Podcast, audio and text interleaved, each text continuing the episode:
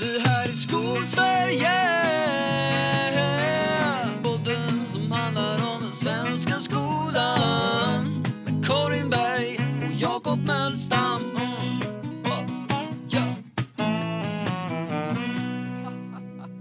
Och det är ungefär så mycket energi som jag kommer tillåta mig själv att uppbringa i, i det här ögonblicket. Ja, Och jag är Ja, ändå nöjd med det. Någonstans. Det är en, en okej Ja. prestation.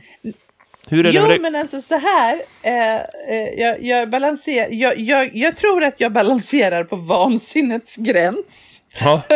ja, men det, det skulle jag säga, det stämmer ganska bra med liksom det samtalet som vi haft innan vi började spela in.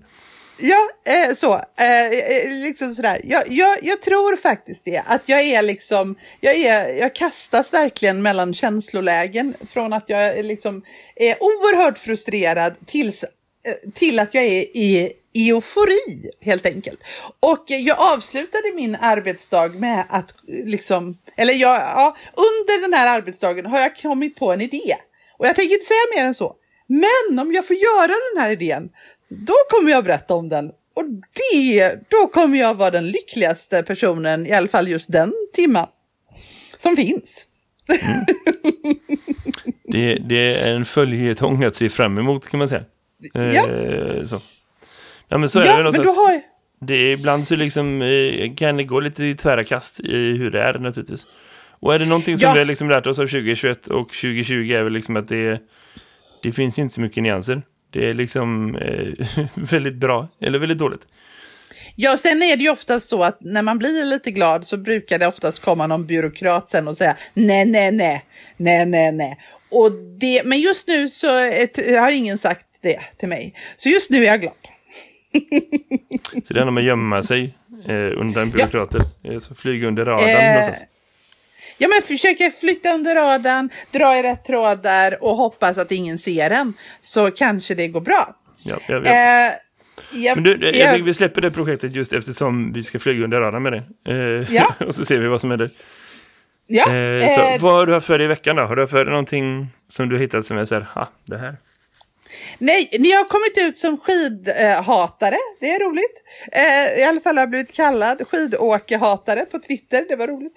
Eh, nej, i övrigt så har jag bara haft för mig. Ja, jo, jag har faktiskt eh, eh, haft lite verkstad den här veckan. Eh, roligt. Eh, vi har haft ett projekt där elever har gjort podcasts med S på slutet eh, på distans. Och eh, vi har faktiskt rott hem det och vi har skapat hemsidor för de här podcastarna och så. Eh, och just det här att få vara kreativ och uttrycka sig och bryta något mönster i det här tråkiga. Just nu är det det, eh, är det, det jag letar efter i nästan allt jag gör. Att hur kan jag bryta den här extremt endimensionella undervisningen som jag håller på med.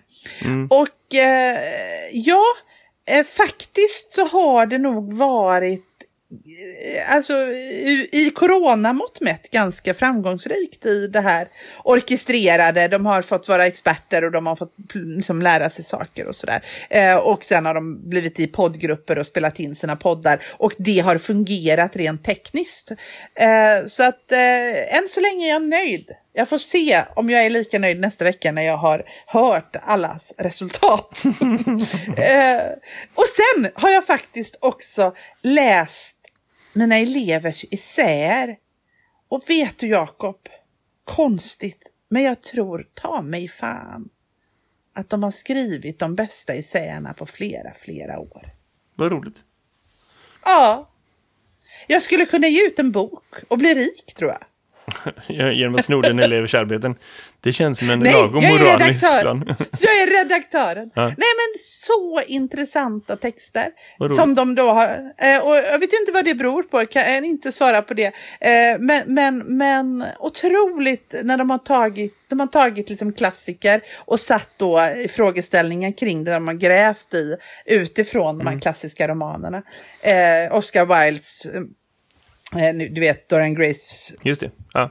porträtt och så har man, eh, diskuterar man utseendefixering. Man diskuterar varför vi, vad är det med besattheten av ondska på en fond av brott och straff. Och Men skulle de det inte kunna vara någonstans att liksom så här, längre skrivande och längre tänkande någonstans, liksom det finns förutsättningar för sånt i tider när man inte har massa andra saker. Så. På ett sätt så finns det ju ändå någonting av att se tempot skruvas Ja. ner i, i en period där du inte kan liksom hitta på en massa saker och hänga med massa folk och, och göra massa andra saker. Och då har man kanske tid för sådana uppgifter. Det kanske finns en förutsättning i det egentligen. Ja, kanske. Eh, väldigt, väldigt fina uppsatser i alla fall. Ja, det, det kanske ligger någonting i det. I alla fall, det har varit svårt att få dem att släppa dem. Men, men när de väl har släppt dem så har det varit väldigt, väldigt spännande texter. Alltså bara det att man reder ut begreppet vad är lycka utifrån den allvarsamma leken av Hjalmar Söderberg. Mm. Det är smart, det är smart hela vägen. Alltså så fint. Ja, jag är oerhört nöjd. Men alltså det, det, ja, det ligger ju ändå lite on point tänker jag med liksom hur man tänker sig att det skulle vara att vara ung i år kontra liksom tidigare. Så ja, Ja. Nej, men jag kan förstå det. Jag, jag kan, det är ändå kul att det syns, att det märks på det du gör någonstans. Så. Vad har du haft för dig då, Jakob, den här veckan? Vad jag har för mig? Ja, det är, du, det är en bra fråga. Eh, jag har... nej, men det, jag har haft lite så förutsättningar att eh, implementera en del saker som jag har snappat upp från den utbildningen som du och jag går i. Om liksom eh, design och liksom eh, motivation och så. I ett större projekt på, eh, på jobbet som vi håller på med egentligen sen eh, liksom jul typ eh, till och från tillsammans. Och som jag eh, i vanliga fall hade kanske så här, hittat. Jag hade letat efter liksom första bästa landningsplats och sen eh, okej men nu är vi klara med det här och liksom utvärdera och gå vidare. För det är ju lite så någonstans i liksom takten som man har som lärare att det hela tiden finns något annat att gå till så. Eh, och, och den kommer man ju aldrig undan oavsett liksom hur välplanerat man har det i sin tillvaro eller hur pandemifritt man har det i sin tillvaro så kommer man ju aldrig undan det riktigt. Eh, och, och nu blev det inte så av olika orsaker och det, det, det var också lite med flit att vi ett, en, en, en period där eleverna fick liksom vara eh, mästare på någonting. Där de liksom fick vara kunniga inom någonting. Och det, det vi designade på ett sätt som gjorde att liksom det blev uppenbart även för eleverna att säga, nu gör vi om en sak som de fick göra en uppgift som är ganska liknande. De var mitt uppe i en uppgift som är ganska liknande någonting de gjorde precis innan jul. eh, Inom ett område som de då var helt okunniga inom. Så de var så här, jaha, vad intressant, jag har fått ingenting, vad handlar det om? Till att nu kunna vara så här, jo men det funkar så här och så här och det hänger upp på det här och det här sättet och så. Och, och det är väldigt roligt att se liksom hur de tar sig an det och hur, hur liksom mycket det betyder för dem och hur tydliga de är med det.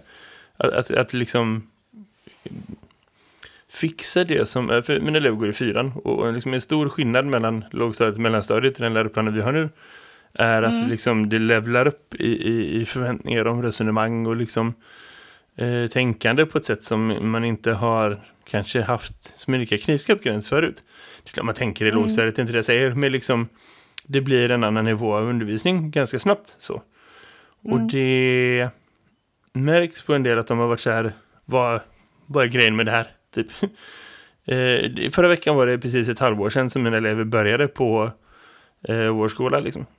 Så de har ändå gått en ganska kort tid och det är en helt nystartad verksamhet. De har liksom inte känt varandra och det, det är väldigt mycket yttre former som inte har varit bekanta för dem förut men som har blivit det nu.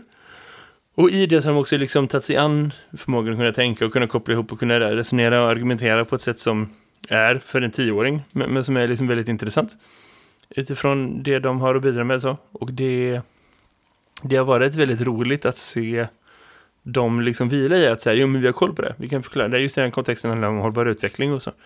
Och det är superkul att liksom ta sig tid för. Och jag är väldigt nöjd att vi tillsammans i arbetslaget bestämde oss för att det här är det något vi ska göra. Eh, för att de ska få se att de kan. Och för att vi också ska se det så.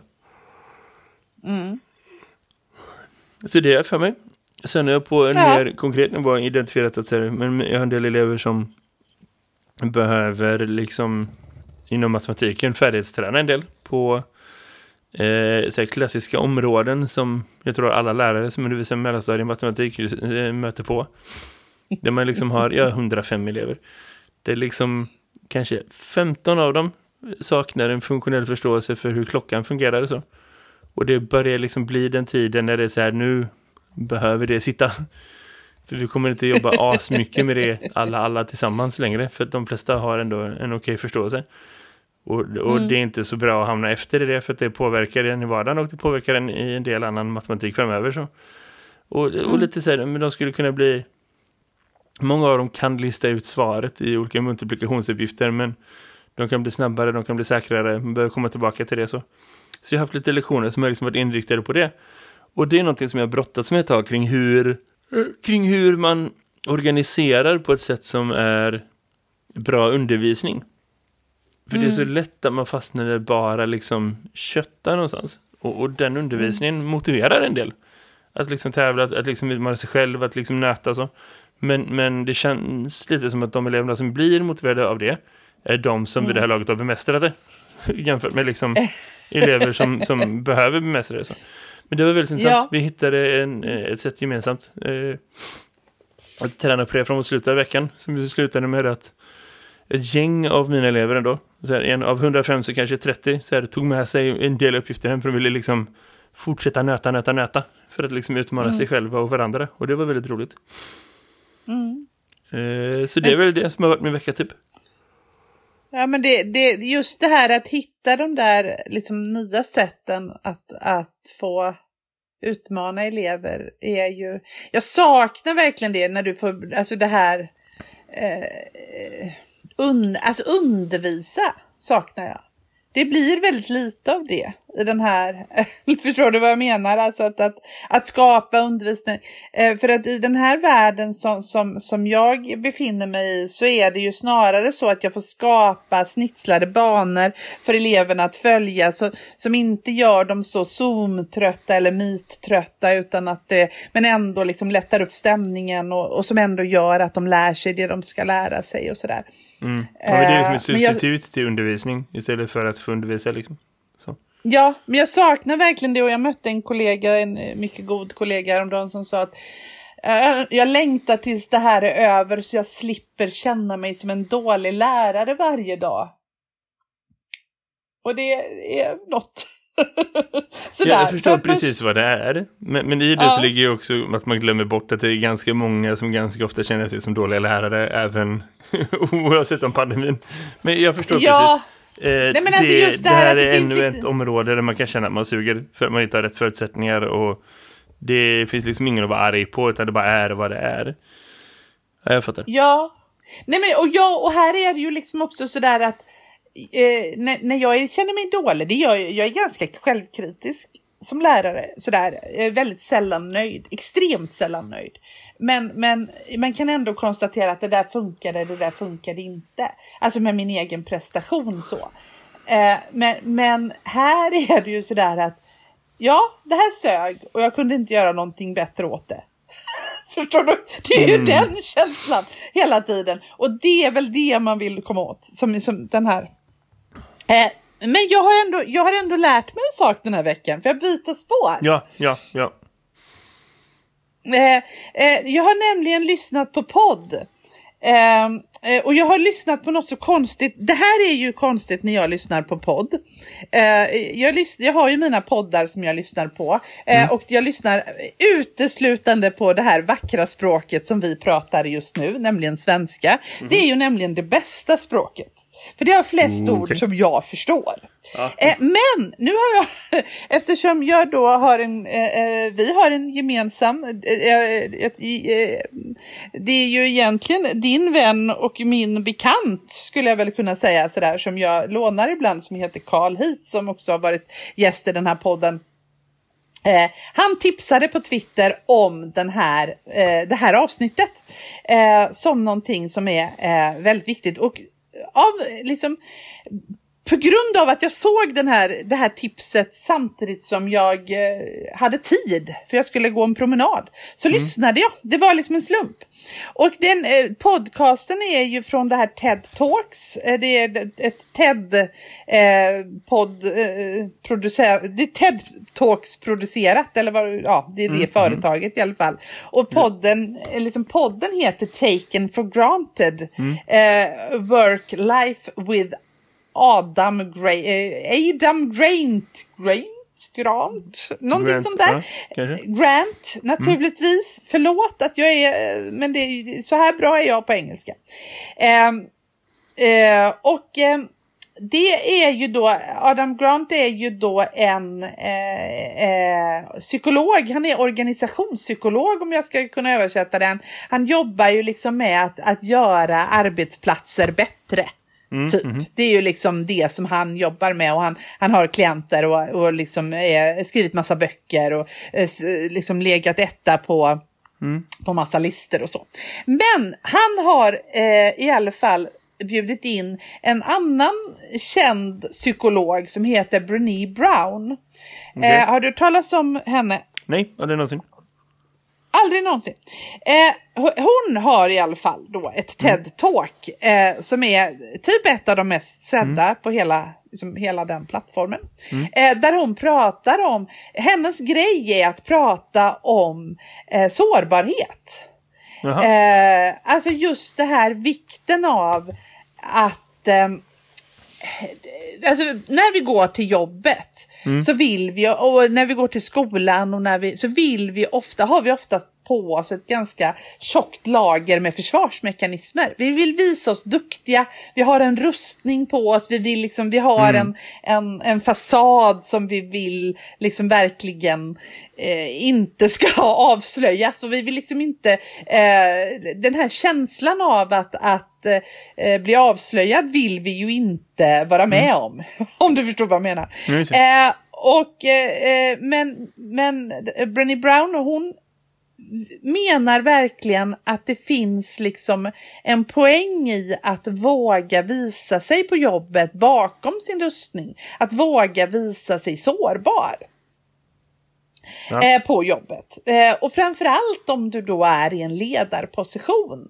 Och det är ju både du och jag ganska ofta i skolan. Och jag tänker du och jag brukar prata om det, jag tror vi pratade om det för några poddar sedan. Just vikten av vad effektivt det är när en uppgift inte har funkat. Att då säga, men hörni, vet ni vad? Det här blev inte så bra. Att kunna vara så trygg att säga det. Eh, det är inte jättebekvämt att gå in och säga det just då. Men det blir oftast bättre när det har spårat ur så att det inte finns någon räddning om du förstår vad jag menar. Det som, som då den här podden då, den, den här podden kretsar kring det, men kretsar också kring, och det är ett väldigt, väldigt bra poddavsnitt just utifrån att den, den tar också upp, eh, för att ofta så tycker jag liksom att man eh, pratar om det här med att vara sårbar och att man ska vara personlig på jobbet, man ska bygga relationer, man ska våga liksom knyta band och sådär. Eh, och, och just det här relationer på jobbet brukar få liksom, eh, man, eh, det, det missförstås ganska ofta i att det ska bli kletigt och kladdigt och privat. Eh, och hon är väldigt, alltså det just där ger hon väldigt många bra nycklar till eh, att det inte ska bli det. Det behöver inte alls bli kletigt och kladdigt och privat. Lika lite som en, när jag bygger relationer med mina elever så behöver de inte vara kletiga och kladdiga och privata. Alltså jag, jag fick väldigt mycket när jag lyssnade på den här podden. Eh, liksom bekräftelse i saker jag har tänkt men som jag inte haft teorier och täckning för. Förstår du vad jag menar då? Ja, nej, men jag förstår precis eh, vad du menar. Och jag tycker det, det är intressant att föra det från olika perspektiv. Om man hör det från någon psykolog eller om man hör det från någon socialarbetare eller om man hör det från någon som är liksom socionom eller vad det skulle kunna vara. Bara andra perspektiv på den, den mänskliga liksom faktorn av professionella relationer någonstans. För det är ju det det handlar om någonstans. Att liksom, eh, man kan se det som ledarskap eller en professionell relation med någon som är på samma liksom, nivå som man kanske inte leder men som man ändå liksom interagerar med eller så här, någon sorts ledarskap tillsammans med sina kollegor. Så. Nej, men det är intressant. Eh. Eh, som du säger, och det, här, det är precis det du sätter fingret på att liksom, man har med sig precis in i vad man gör, naturligtvis. Där man har liksom sin idé och sina idéer och, och, och där man lär sig vad som funkar och inte och där man tar fram vilka det är verktyg och inte som man behöver använda och så. Jag, eh, jag som inte får ha lektioner i NO-salen just nu för att det är ännu en, en, en restriktion som är lagd på min tillvaro så har jag börjat istället eh, lägga lite tid på programmering och så. Alltså att undervisa om programmering med mina elever. Jag, vi har liksom ett område om det för att det passade bra med de förutsättningarna som jag har. Och då har jag liksom en, en historia för, som jag brukar berätta för dem, där, som motiverar dem kring det. Och som har med min bror att göra som jobbar som programmerare och mig. Och de är med och de är superintresserade och de, de ställer massa frågor och så. Så man kan ju Mm. få in sin, sina egna liksom personliga drag. Allt från konkreta exempel som syskon och familjemedlemmar eller saker man är med om eller saker som man tänker eller som man upplever eller så. Som man kan få Mm. med sig till sin kanon och berättelser som man kan använda i sitt ledarskap eller det finns vissa saker som man är med redo att plocka fram när man ser det här och det här för att motivera eh, liksom elever att, att tycka och tänka på ett visst sätt. Eh, och, och det kan vi absolut göra utan att för den delen liksom helt vara värnlös i eller liksom filterlös så, naturligtvis. Mm. Och, och det tror jag är jätteviktigt att man skiljer på. Och det... Alltså, jag tror att det är en amerikansk grej ännu mer än vad en svensk grej. Det här är liksom rustningen som du pratar om. Att man har med sig. Mm. För att det är liksom... Det finns en lite större förståelse i vår kultur att man inte ska vara perfekt. Eller att du inte behöver vara perfekt. För det finns inte något så här, du vet, det här drivet i så många av våra fält i alla fall, att liksom är du inte hundra så är du inte värd något, liksom. Men eh, det är fortfarande sådana drag som finns i, där man liksom det finns en naturlig tendens att man tar fram det som är bäst och man gömmer det som är dåligt.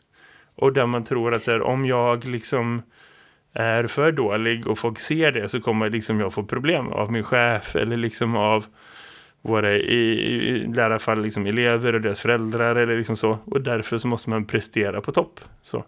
Mm. Och, och där behöver man nyansera sina bilder och det tror jag låter superintressant med precis det du säger. Eh, så. Ja men absolut. Och jag tänker också att det finns ju en risk att man, man går, eh, om, när, om det blir för bekvämt som i Sverige, liksom att det är liksom okej att liksom man är som man är, då tar heller ingen något ansvar. För det, det tar de också upp det här att, att det är ju en balansgång. För du kan ju inte gå in till, liksom, till dina elever och säga, vet ni vad, den här lektionen gick åt helskotta, jag har ingen aning om hur vi ska lösa den. För då, då tar du inget ansvar heller, liksom, eller gå till dina kollegor och bara ge upp. Det är klart att du ska kunna få bryta ihop eh, bland dina kollegor, men inte om du liksom ska ha någon form av ansvar i, i, ett, i ett sammanhang. Då är det ju inte för dem du har ansvar för som du kan bryta ihop och bara liksom outa dig. Det är ju inte att visa sig liksom sårbar direkt. Sådär. Så det där är ju en lite lurig balansgång Mm, mhm. Eh, kan jag tycka. Eh, men bara för att göra en lite rolig koppling så är det ju en person jag tänker så här att jag i all välmening vill, skulle vilja skicka den här podden till som inte riktigt, som inte riktigt har, har, har, har förstått det här med att visa sig sårbar, vare sig själv eller ehm, eh, ja, det går inte så, här, så jättebra. Vi har nämligen fått en ny eh, person som, som har hand om, eh, han är liksom förste vice ordförande i kommunstyrelsen och han är också ordförande då i grundskolenämnden sedan en månad tillbaka och han heter då Axel Darvik. Eh, känner du till honom? Jajamän. Han är ju min högsta Ja. politiska chef. Så att, eh, jo då. Han är det Jag eh, känner till honom inte som person utan som eh, figur i olika mediasammanhang. För där har man ändå märkt av honom får man säga på en månad. Ja, han tycker väldigt mycket om att vara i Göteborgs-Posten. Det är min, det är liksom sådär om Helene Odenjung som ändå var en Göteborgsprofil som han har efterträtt. Eh, Hon eh, såg man ju i Göteborgs-Posten naturligtvis genom åren ibland. Men eh, jag undrar, alltså Axel, han är där väldigt ofta. Och eh, där kan man väl det- se för någon sorts kontext eftersom det också finns folk som lyssnar på den här podcasten utanför Göteborg eller så. Ja. Hoppas vi. Statistik antyder att det ibland händer. Att liksom, har man en förkärlek för att figurera i Göteborgs-Posten så säger det någonting om vad man är som person någonstans. För det, det är inte liksom en tidning som vilken tidning som helst. Utan det är liksom... Eh, så. Det, ja. ja men jag lämnar den kontexten lite vag så kan du själv få fylla i de rutorna alternativt kolla upp mer kring liksom vilken resa Göteborgs-Posten haft de senaste fem eller tio åren och sen tänka om man är okej med att liksom interagera med dem. Eh, så jag skulle inte, Så kan prenumer- jag skulle inte läsa den tidningen om jag fick betalt för det. så, Nej, så liksom, Eh, inte, inte riktigt så heller och dessutom så, men han, han är i alla fall, han blir intervjuad där, eh, ofta.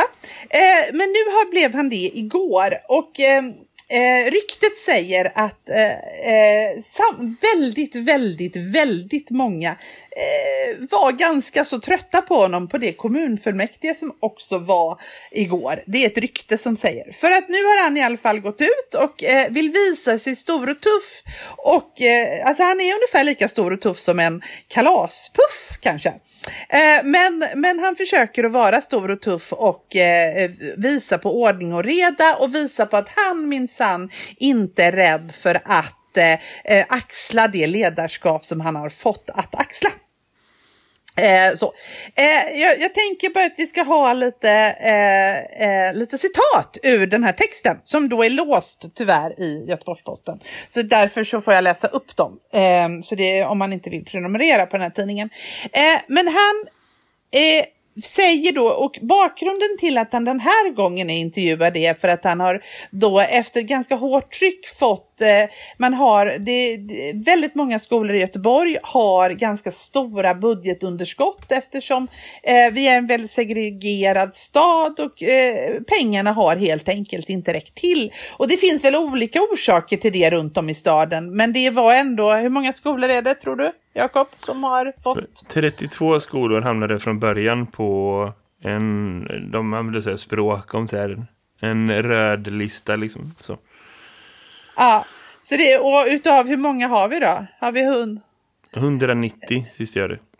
Men jag vet inte om det är skolor, förskolor och alltså vad man egentligen räknar som en enhet då. Men men det är ändå ganska, ganska många skolor eh, som då har fått eh, skriva av sina budgetunderskott och det händer ju ibland för att det ska bli på noll för att man ska kunna jobba vidare. Eh, men då är han eh, så här, så säger han eh, att eh, eh mm, han, kom, han är väldigt kritisk till eh, skolor som inte klarar av att eh, nå sina resultat. Eh, det, det, det kommer han inte. Han säger citat. Jag kommer vara mycket noggrannare än vad man tidigare varit på att följa upp resultaten. Märk väl att det här handlar inte om budgetresultat utan det här handlar om skolresultat. Eh, jag kommer inte att acceptera att skolor misslyckas med det här. Eh, det, eh, om det inte fungerar behöver ledningen ses över eller bytas ut. Eller så behöver kollegiet brytas upp och splittras, säger Darvik. Jag är inte heller främmande från att även, eh, som sista åtgärd även starta upp verksamheten igen kommande läsår med nytt elevunderlag och ny personal. Och då kan man ju känna så här lite att. Eh, det här blir... Vi har en jättestor fråga om segregation i Göteborg. Det är ett jättestort problem.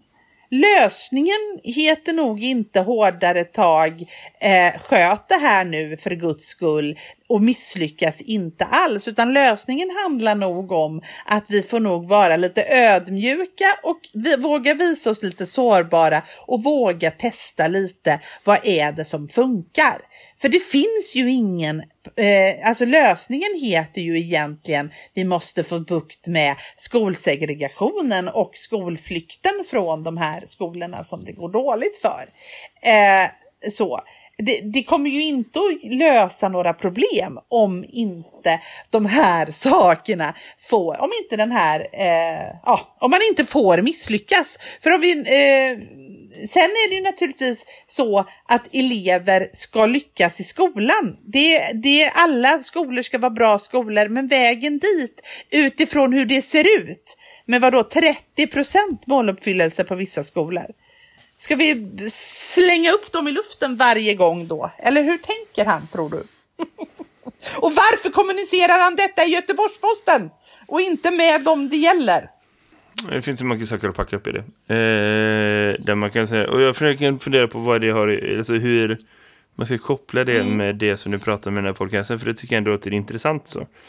Och jag tror det finns någonting i, i all i alla kontexter som är liksom kämpar emot den grejen. Att vara liksom eh, så här, sårbar. Eh, att, att liksom vara det. Det finns alltid krafter emot det.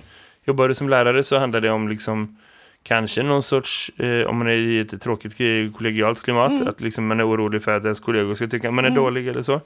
Man ska bli påkommen av sin chef liksom. Eh, elever och föräldrar och marknadskrafter och liksom så eh, är en faktor i det som gör att man inte pratar öppet om när saker inte funkar bra. För det finns ingenting som liksom eh, premierar att vara ärlig och konkret med liksom det. Eh, om man inte är väldigt, väldigt säker i sig själv. Mm. Eh, jag tror att politik funkar lite så också. Särskilt om man liksom är ny på en politisk post och man vet att man har inte så mycket tid på sig att göra någonting innan folk förväntar sig ett Mm. resultat. Det finns väldigt lite som, som premierar att man ska vara liksom så här men säg typ efter ett val när det sker ett maktskifte att man skulle vara så där pragmatisk med det arbete som har genomförts förut. Det är liksom inte det, är inte det som är spelets regler någonstans. Det, det kanske är vettigt att vara det. Men det är inte det som är liksom dynamiken som finns där och som liksom är det som, som folk förväntas spela med. Eh, och jag tänker att eh, axlar man liksom ansvaret för eh, vad som skulle kunna vara Sveriges näst största skolorganisation så kanske man känner så här, här behöver det synas att det händer någonting. Eh, och då kan man eh, kanske ha en dragning för att liksom eh, gärna verka tuff fast att man kanske inte är det eller liksom att, att föredra att kommunicera saker medialt istället för att förankra saker internt. Det har varit min bild av, av just den här personen i fråga. Liksom att det, alla, alla viktiga grejer som kommuniceras förvaltningscentralt kommuniceras först i media och sen i, i, i våra interna kanaler. Och det finns ändå, kan du tänka dig, en organisation som är så stor som grundskoleförvaltningen, ganska tydliga så här, hur saker ska kommuniceras. Liksom. Mellan honom och mig så är det, eh, ska säga, om man går över till förvaltningsledning och så kan man tänka liksom utbildningschefer, rektorer och sen kommer jag. Så det är en, två, tre personer. Det är ändå en ganska bra organisation, ganska tydlig karta. Om man tänker på att det innan det var en gemensam organisation fanns kanske fem sådana steg emellan. Och det var väldigt oklart vem som gjorde vad. Nu är det liksom med rektor, med rektorschef, förvaltningsledningen och så finns det den politiska ledningen som är eh, liksom uppdragsgivare. Så. Eh, om man skulle kunna bestämma sig för en sak igår eftermiddag så skulle det kunna kommuniceras hela vägen igenom innan förmiddagskaffet liksom till varenda lärare i hela Göteborg. Eh, och så har vi varit jätteeffektiva med att kommunicera i, i saker som rör eh, corona eller saker som handlar om så okay, nu, nu tar vi de här ekonomiska besluten. För vad man beslutade var att alla enheter som hade ett överskott, nu ska få behålla era överskott. Men alla enheter som hade ett underskott, det ska vi liksom, vi släpper det. Vilket är en ganska stor kurskorrigering kontra att man är isolerat skolor som har haft superproblematisk ekonomi, ofta över lång tid. Och varit så här, fan nu måste ni skärpa till er. Vi kan inte ha det så här. Vi måste hitta vad det är som är problemet och lösa det. För att det här är inte, det här är inte så man driver en kommunal organisation. Eh, Så, för att lagen tillåter inte det. Eh, liksom så. Och, eh, men att man ändå är så här, det är viktigt, men nu gör vi så här. Så här allt sånt har kommunicerats bra, för, för att det är andra människor än han som kommunicerar det. Men, men det händer alltid ett halvt dygn efter att det finns i media, för att han vill vara den som ser ut som att han löser saker. Och det är, det är en helt annan historia än, än liksom eh, att ha svart bälte i att vara bra på att vara sårbar. Eh, så. Och samtidigt tror jag inte att liksom, hade, hade han varit det så tror inte jag att han hade fått några politiska poäng. Om, om man ska liksom vända den andra sidan. Jag tror inte att det är ju Ja, honom till så här, vänta åh, lite nu." här är Sveriges bästa skolpolitiker för att han är sårbar. Jag tror inte att det är det som är liksom, nej, men jag tror inte det är så dynamiken funkar. Jag tror inte det är så liksom, jag tror inte det handlingsutrymmet fin, utrymmet finns för politiker Fast- i vårt klimat idag. Det finns inte det för kommunpolitiker, det finns inte det för skolpolitiker. Det finns inte det för liksom unga män, om man tänker jag tror inte att det är en arena där det är liksom tagits Jag tror snarare emot. att man inte faktiskt. vågar prova. För det är väldigt, väldigt få som prov, vågar prova. Jag tänker ju att hade han sagt så här att jag, jag är liksom jag är helt medveten om att vi har en komplex situation i Göteborg. Jag är också, jag, jag litar på mina medarbetare för det handlar ju också om tillit. Det här uttalandet som han uttalar här nu visar ju att han har inget som helst förtroende för egentligen någon. Eh, han ger ju liksom inte cred för någon och en av nyckelpunkterna för att få en organisation att utvecklas handlar ju om tillit. Och han har ingen tillit till sina, sina anställda eller sina, eh, de här som han ska basa över. Och någonstans så känns det ju ändå som att jag vill ha en ledare, jag får respekt för en ledare som tror på mig. Jag vill ha en ledare, jag röstar ju inte, jag kommer aldrig i mitt liv rösta på, eh, vad han nu hette, Axel Darvik. Av den enkla anledningen att han, han har inget förtroende på mig som medmänniska. Han tror inte på mig. Fast jag tror inte att det, jag tror inte att det är det som man menar när man pratar om att liksom att han inte kommer att acceptera misslyckande skolor. Jag tror att det handlar om att liksom om att eh, man skulle kunna säga samma samma ja. budskap med liksom, jag kommer kämpa för varenda elev, jag kommer att acceptera segregation, jag kommer att se till att alla har en bra framtid. Att det är liksom det som är budskapet han vill säga. Och det är ju inte lärarfientligt eller liksom rektorsfientligt utan det är ju snarare liksom att vara på våran sida. För det är ju ingen liksom som jobbar som lärare i, på en skola som har asdålig tänk... måluppfyllelse som vill att det ska vara så. Utan det handlar om att liksom få verktygen. Det som är problemet är hur man liksom sätter, porträtterar det som kommer sen. Så. Och vad man läser in i det runt omkring. Men, men i sig så tror jag inte att det behöver vara så himla liksom avsaknad av förtroende. Det är inte jag säker på att man behöver läsa in alltså. Om man säger så här, jag är inte för, jag, jag, jag, är, jag är, kommer inte acceptera att skolor misslyckas. Och så slutar vi där. Och så är det punkt där. Men sen fortsätter han ju med, jag kommer att byta ut kollegor. Kolleg...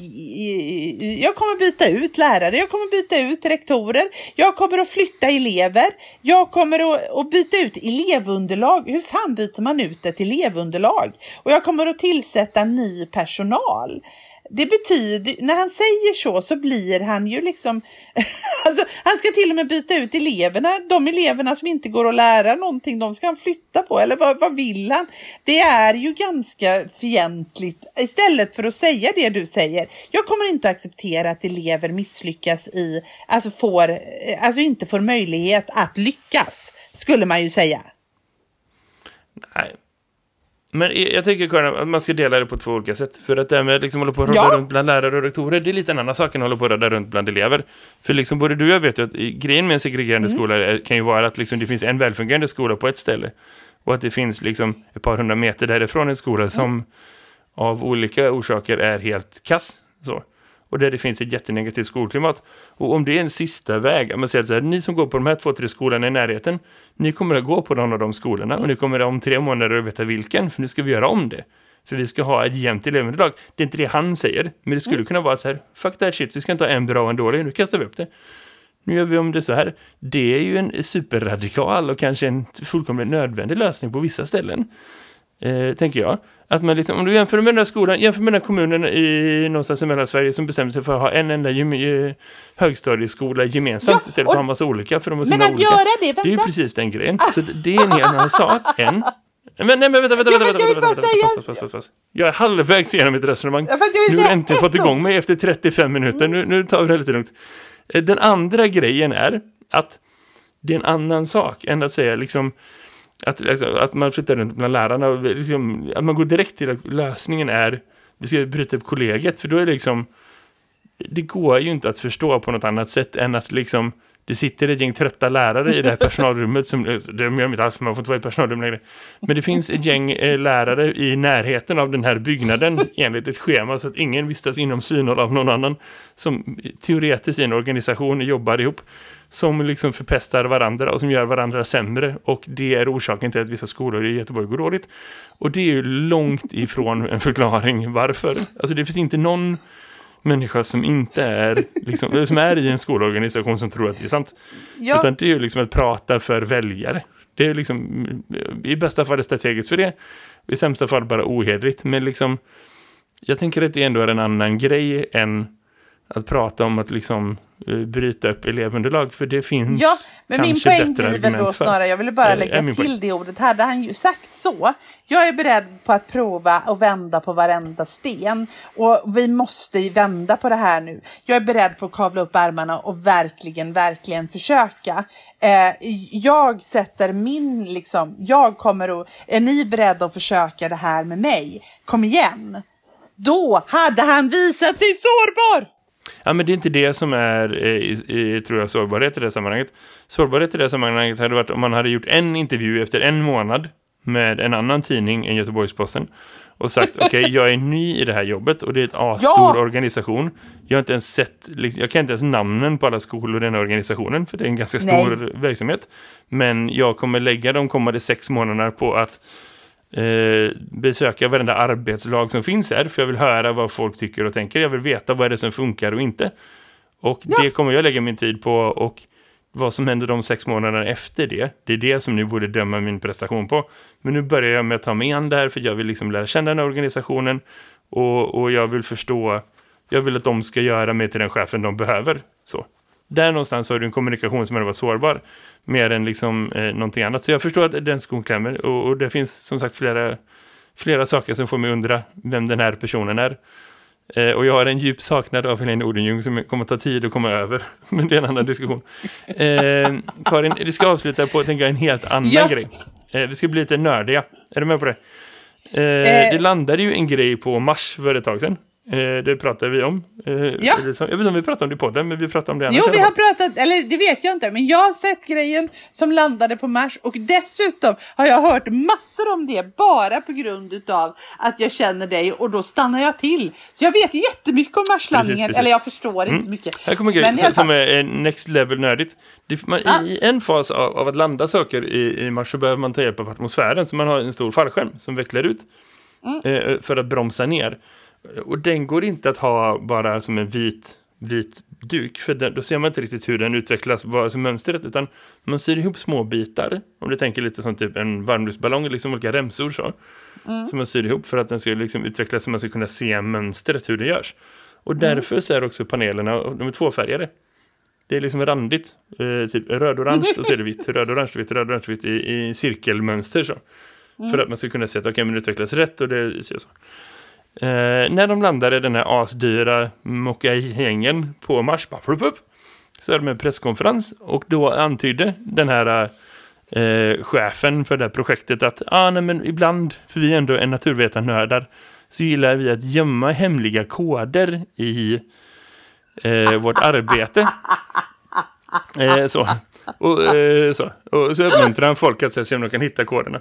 Tre dagar senare så är det någon idiot på internet som sitter hemma i karantän, vad jag antar. Eh, som säger, ja nej jag kollar lite på det här och den där fallskärmen är lite konstig. För mönstret är inte randigt, så här, två paneler rött, två paneler vitt, två paneler rött, två paneler vitt. Utan det ser ut som att de har sytt ihop den med liksom spill från gamla fallskärmar. Typ. Eh, och då är det någon som har hittat ett mönster i ordningen för hur den här går runt, så här, rött, vitt, rött, vitt, rött, vitt, rött, vitt. Som om du översätter det till binära tal, alltså noll, nollor och ettor och så, så kan du liksom få fram ett mönster. Om man bestämmer hur många siffror som får finnas i varje tal så kan du få exempelvis att 1 eh, kan du skriva som 001 och 2 skriver du som 010 och så. Och så har man liksom nummer, en nummerordning. Och då kan du få fram en sifferkod, visar det sig i den, hela den här. Som är så här, ja, vad är det här? Och, och då om man lägger det mot alfabetet, så är det liksom 1 är A, 4 är D, liksom så. Så får man en mening i den här fallskärmen som är ett budskap. Som är på engelska är så här, dare mighty things. Som liksom vågar göra storslagna saker. Och så längst ut finns det en nummerkod. Med lite siffror och bokstäver och så. Som folk får säga, vad fan är det här? Det stämmer inte med bokstäver. Vad, hur hänger det här ihop ens? Eh, och då visar det sig att det är koordinater som om du skriver in det på Google Maps hamnar du tre meter ifrån liksom ytterdörren till kontoret där de sitter med nötterna som har skickat upp den här liksom eh, raketen. så. Eh, och då är de så här, haha, vi har hittat det här. Och de bara, yes, fint, ni hittar våran kod. Eh, som avslutning på det så är det någon idiot som har byggt vidare på det här systemet så att du kan gå in på en hemsida, fylla i vilket budskap du vill och så genererar den det budskapet som ett mönster på en sån eh, fallskärm. Så du kan få en fallskärm med ditt budskap, typ Karin Berg är bäst. Och så liksom visar den hur det mönstret skulle se ut. Kan du ladda ner den och dela ut dina hemliga fallskärmsmedlemskap till, eller budskap till olika personer runt omkring dig. Det är nördigt på en nivå som förslår. Men det är också någonting som man kan borra ner sig i. Eh, så. Och det finns ett budskap Ja, det- det som är en eh, av- jag tror tangerar Ja. lite det vi pratade om förut. Att våga vara eh, sårbar. Om man inte tänker att man liksom... vill backa tillbaka Mm. utan att man snarare vill gå framåt. För det finns ju människor som är sådana som tänker sig sårbarhet är för töntar typ. Eh, Så kan man tänka att det är också en, ett verktyg att göra sig själv bättre någonstans. Och göra folk runt omkring sig bättre. Att Ja, man våga vågar lära visa att jag är sårbar. För då får man utrymme för andra människor att vara sårbara. Och man gör utrymme för andra konversationer att kunna hända liksom.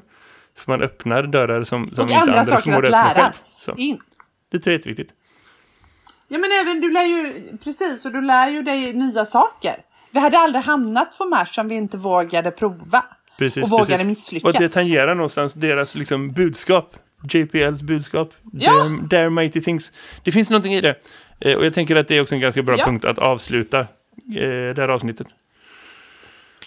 Underbart och jag är så glad Jakob för att jag känner dig så jag får veta sånt här. För jag, det hade gått mig, alltså det finns ingen annan som hade berättat det här för mig utom du. Ja, internet är ganska stort, men, men jag hör vad du säger. Man rör sig på olika delar. men Så är det. Det är så. Karin, det är det blev ett sant. avsnitt av det här också. Det blev det. Eh, det tenderar att bli så. Nu är det dags Ja. att runda av. Tack för att ni var med oss även den här veckan. Ha det gött, hej! Ha det bra. Vi här i Skolsverige